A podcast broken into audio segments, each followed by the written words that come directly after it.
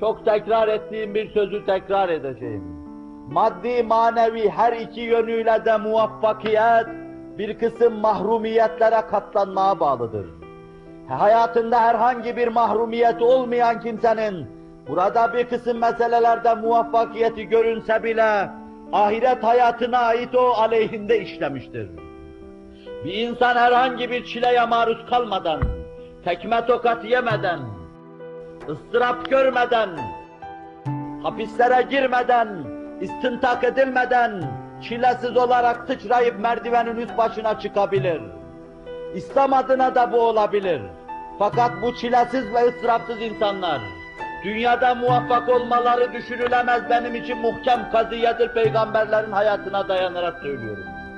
Çilesiz insanın muvaffak olması mümkün değildir. Peygamberlerin hayatına dayanarak söylüyorum.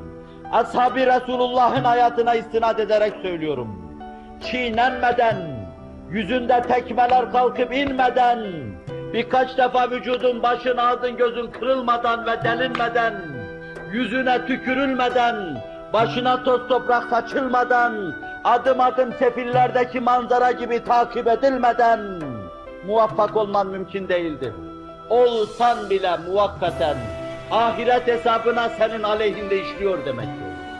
Sen dünyada ehli cennet yolunda olsan dahi, mescide uğrasan dahi, fakat onun yolundan geçmedikten sonra, çile ve ızdırabını duymadıktan sonra, maddi manevi mahrumiyetlere katlanmadıktan sonra, maddi manevi füyüzat hislerinden fedakarlıkta bulunmadıktan sonra, muvakkaten muvaffak olsan dahi ahiret hesabını aleyhinde işleyecektir.